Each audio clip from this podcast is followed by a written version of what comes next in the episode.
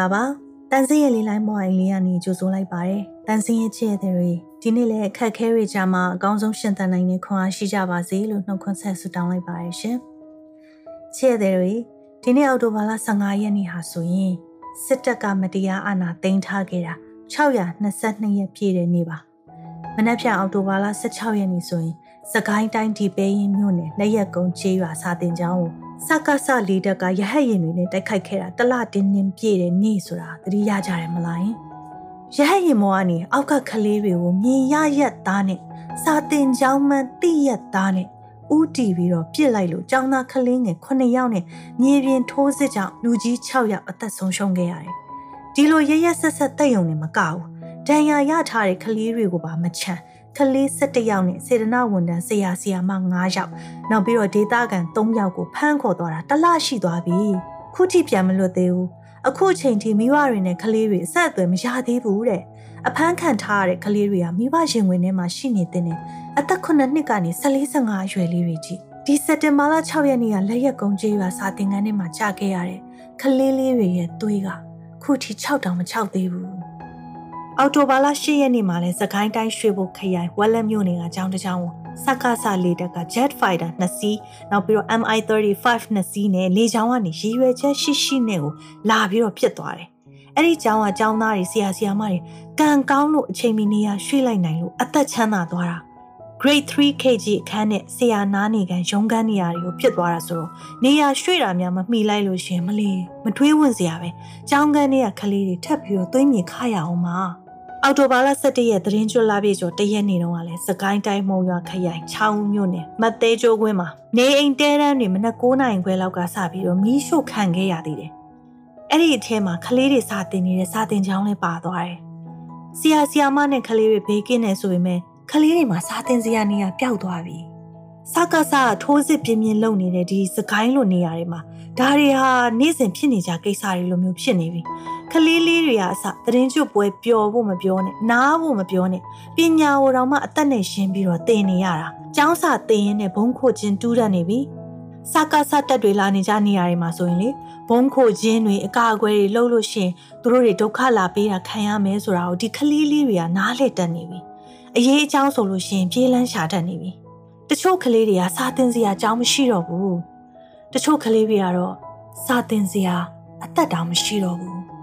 ဒါပေမဲ့အဲ့ဒီဒေတာအကြောင်းသူအကြောင်းသားတွေနဲ့ဆရာမတွေမှာအခက်အခဲကိုရဲရဲကြည့်ပြီးတော့ရှေ့ဆက်ရဲတဲ့တတိရှိတယ်ကြန့်ခိုင်တဲ့စိတ်တဲ့အင်အားရှိတယ်လာမဲ့ဘေးကိုရင်ဆိုင်ရင်းနဲ့တော်လှန်နေကြတာများလေတန်စင်တော်မှသူတို့ကိုကြည့်ပြီးတော့အင်အားပြန်ယူရတယ်အားလဲနာမိတယ်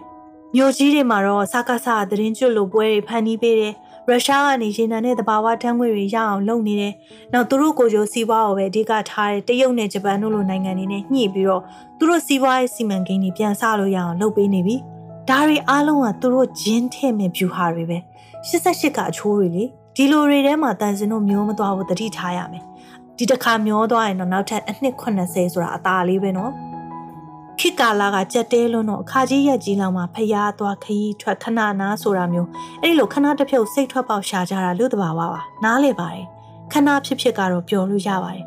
ဒါပေမဲ့အာနာရှင်လက်အောက်မှာရှိနေသေးတဲ့နေစဉ်နဲ့အမျှပြည်သူအသက်တွေတွေးမြေခနေရသေးတဲ့တကယ်ပဂရိအခြေအနေကတော့တော်လှန်ရေးမအောင်တဲ့၍မပြောင်းဘူးနော်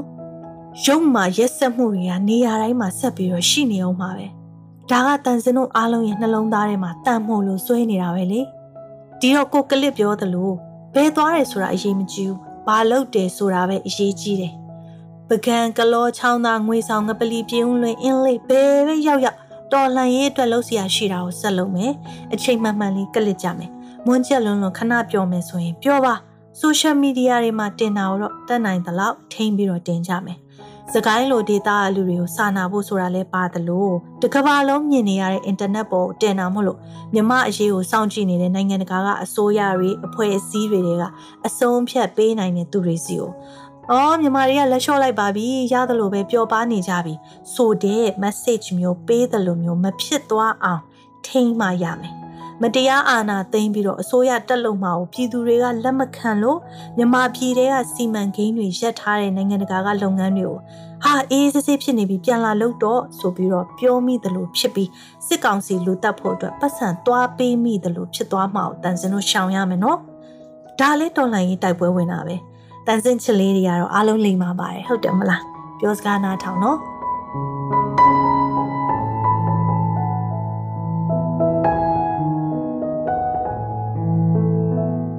ချစ်တို့ရေဒီနေ့တော့တန်စင်ဖတ်ထားတဲ့သမိုင်းတွေကနမီးဘီးယားနိုင်ငံရဲ့နှစ်ရှည်ကြာတော်လှန်ရေးအကြောင်းပြောပြမယ်။စစ်မှန်တဲ့လွတ်လပ်ရေးရဖို့နမီးဘီးယားပြည်သူတွေရဲ့လက်နက်ကင်တော်လှန်ရေးနိုင်ငံတကာနဲ့တန်တမန်ရေးရကြိုးပမ်းမှုနဲ့တော်လှန်ရေးကောင်းဆောင်ဆမ်နူဂျိုမာရဲ့နိုင်ငံရေးဥဆောင်မှုသမိုင်းတွေကနေတော်လှန်ရေးအသည့်တွေကိုအတူတူရှားကြည့်ရအောင်နော်။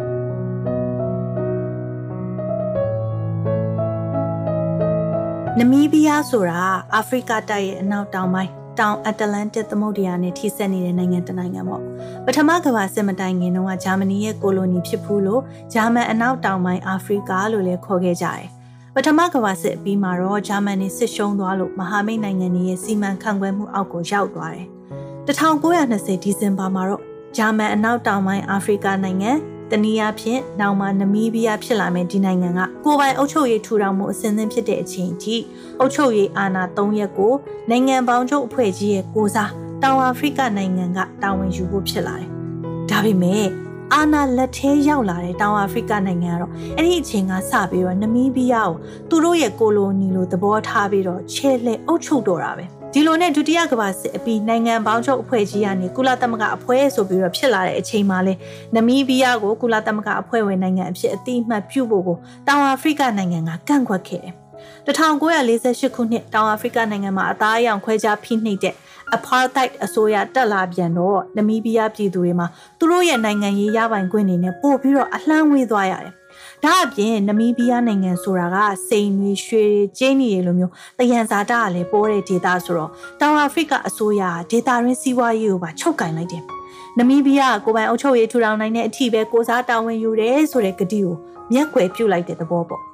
ဒီတော့တမိုင်းတစ်လျှောက်လုံးမတရားအုပ်ချုပ်ခံဘဝကနေရုံထွက်ဖို့စ조사လာခဲ့ရတဲ့နမီးဘီးယားပြည်သူတွေဟာတောင်အာဖရိကအပါသိုက်အစိုးရအောင်မဖြစ်မနေတော်လှန်မှငါတို့စစ်မှန်တဲ့လွတ်လပ်ရေးရမယ်ဆိုတာကိုနားလည်လာကြတယ်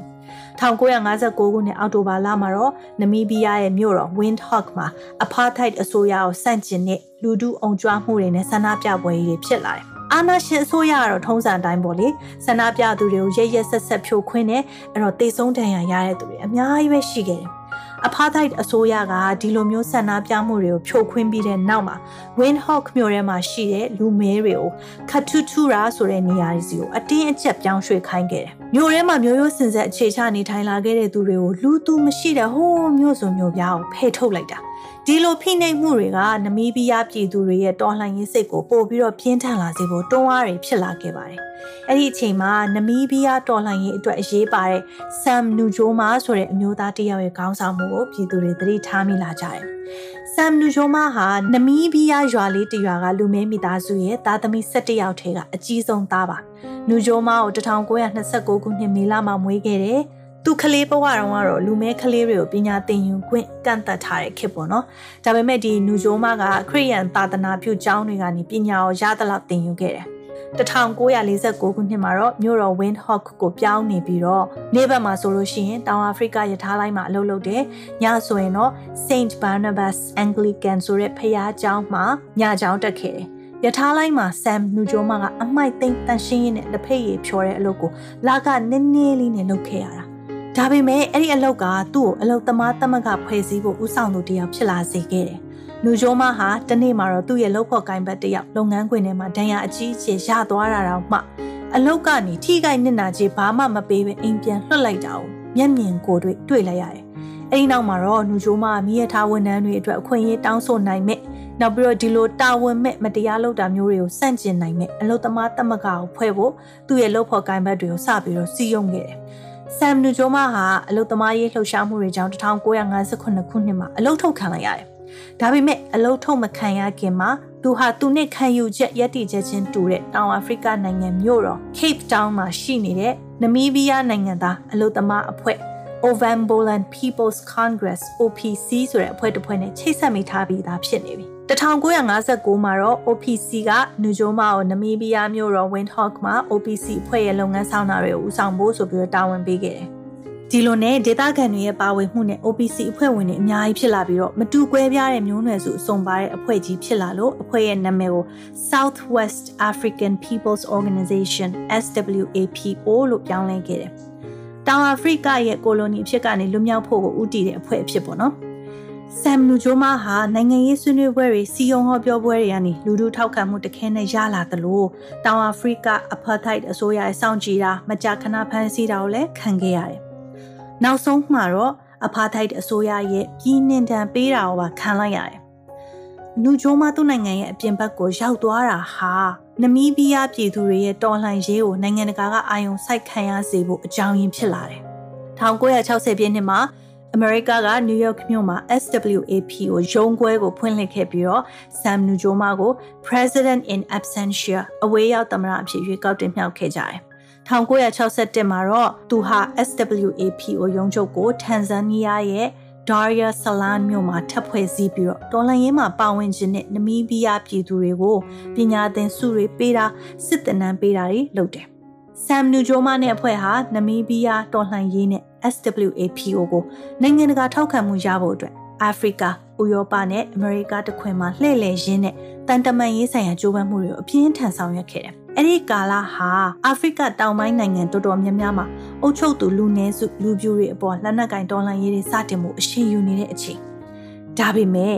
ဆမ်နူဂျိုမာကတော့တန်တမန်နီးနဲ့နိုင်ငံတကာရဲ့အကူအညီနဲ့ဖိအားကိုပဲရယူပြီးတော့နိုင်ငံရေးနီးလန်းနဲ့ပဲတော်လှန်ရေးကိုဆက်လုပ်ဖို့စီစဉ်ထားတယ်။ဒါပေမဲ့တန်တမန်ရေးကမ်ပိန်းတွေနဲ့အပြင်းထန်ကြိုးပမ်းလှုပ်ရှားခဲ့ပေမဲ့လည်းနိုင်ငံတကာရဲ့စာနာကြောင်းပြသမှုနဲ့သဘောထားထုတ်ပြန်ချက်တွေကလွဲလို့ SWAP ကိုအတွက်ထိရောက်တဲ့အကူအညီဘာတစ်ခုမှမရခဲ့ပါဘူး။အဲဒါကြောင့်ဆမ်နူဂျိုမာနဲ့ SWAP ကိုအဖွဲ့ဟာသူတို့တိုက်ပွဲမှာ လက်နက်ကင်တော်လှန်ရေးပါမှပဲရတော့မယ်လို့တညီတညွတ်သေးဆုံးဖြတ်ခဲ့ကြပါတော့တယ်။ဒါကြောင့်1962မှာ SWAPO ကသူ့ရဲ့လက်နက်ကင်အဖွဲ့အဖြစ် People's Liberation Army of Namibia PLAN plan ကိုစပြီးတော့ဖွဲ့စည်းခဲ့တယ်။1966ဩဂုတ်လ26မှာတော့တောင်အာဖရိကအစိုးရရဲ့စစ်တပ်နဲ့နမီးဘီးယား plan တို့ပထမဆုံးထိတွေ့မှုစဖြစ်ပါတယ်။ ဒီတိုက်ပွဲဟာစစ်တီလက်နက်အင်အားတာလွန်လွန်းတဲ့တောင်အာဖရိကစစ်တပ်နဲ့ plan တို့အကြား25နှစ်ကြာခဲ့တဲ့ asymmetrical warfare အချိုးမညီစစ်ပွဲရဲ့အစပါ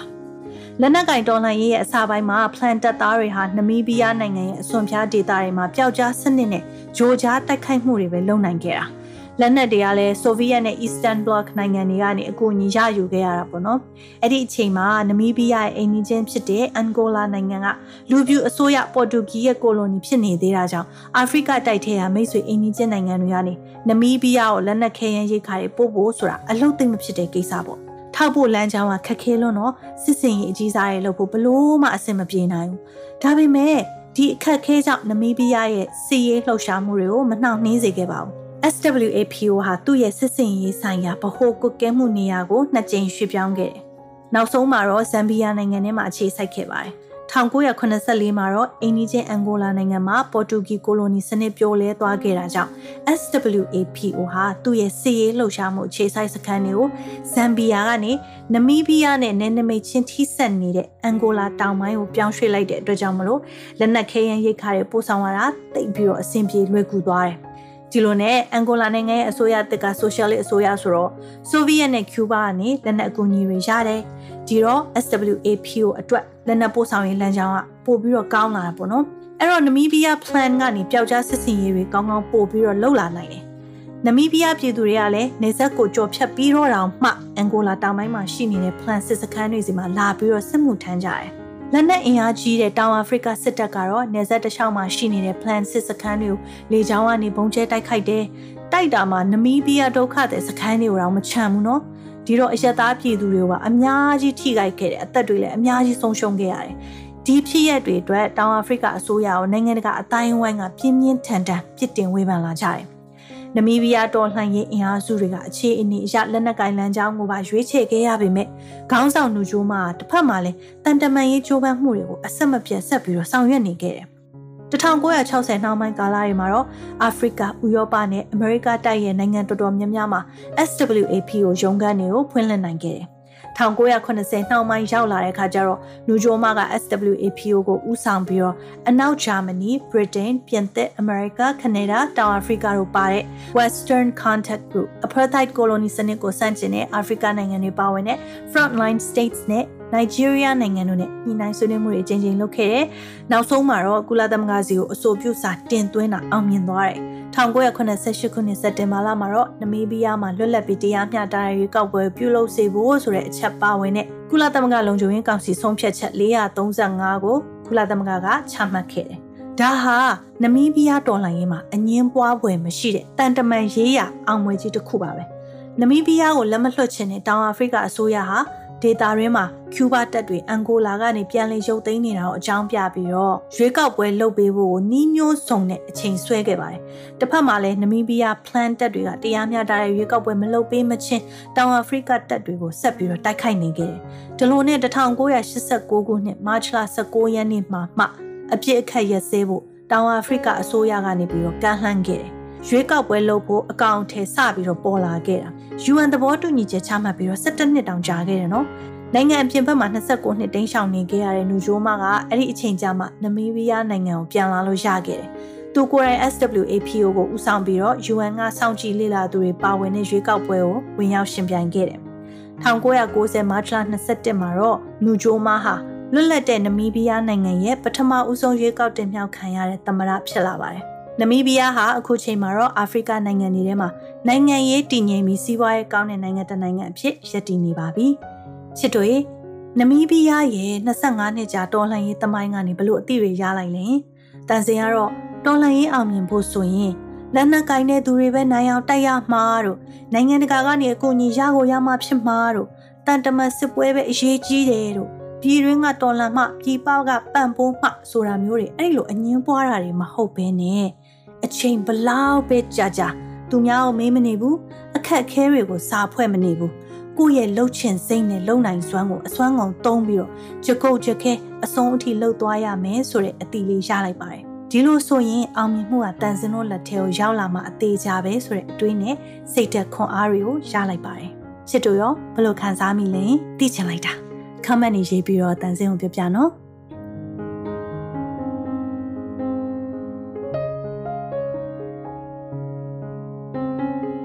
ကဲချစ်တို့ရေတန်စင်ရင်ကိုလာလေရင်နဲ့တော်လှန်ရေးအသည့်တွေအင်အားတွေရကြမယ်လို့မျှော်လင့်ပါတယ်ဒီနေ့တော့နှုတ်မဆက်ခင်မှာအခုချိန်ထိမတရားမှုကိုရရနေရကနေတော်လှန်ရင်းနဲ့ကြံ့ကြံ့ခံပေးနေတဲ့အတွက်ကျေးဇူးအများကြီးတင်ပါတယ်လို့ပြောပါရစေအမေတော်အောင်ဆန်းစုကြည်ကလည်းပြီးခဲ့တဲ့အောက်တိုဘာလ17ရက်နေ့တုန်းကတန်စင်တို့ပြည်သူတွေကိုအများအကျိုးဆောင်ပေးဖို့နဲ့အများအတွက်အကျိုးဆောင်တဲ့သူအကုန်လုံးကိုကျေးဇူးတင်တယ်လို့သတင်းကျွတ်စကားလက်ဆောင်ပေးပြီးတော့အားပေးထားတယ်လေအားလုံးတူတူရှေ့ဆက်ကြမနော် ကဲနောက်ပတ်မှာတန်စင်မှာပြန်ဆုံပါမယ်ပြန်မဆုံနိုင်သေးခင်အာတင်ထားကြမယ်နော်တတား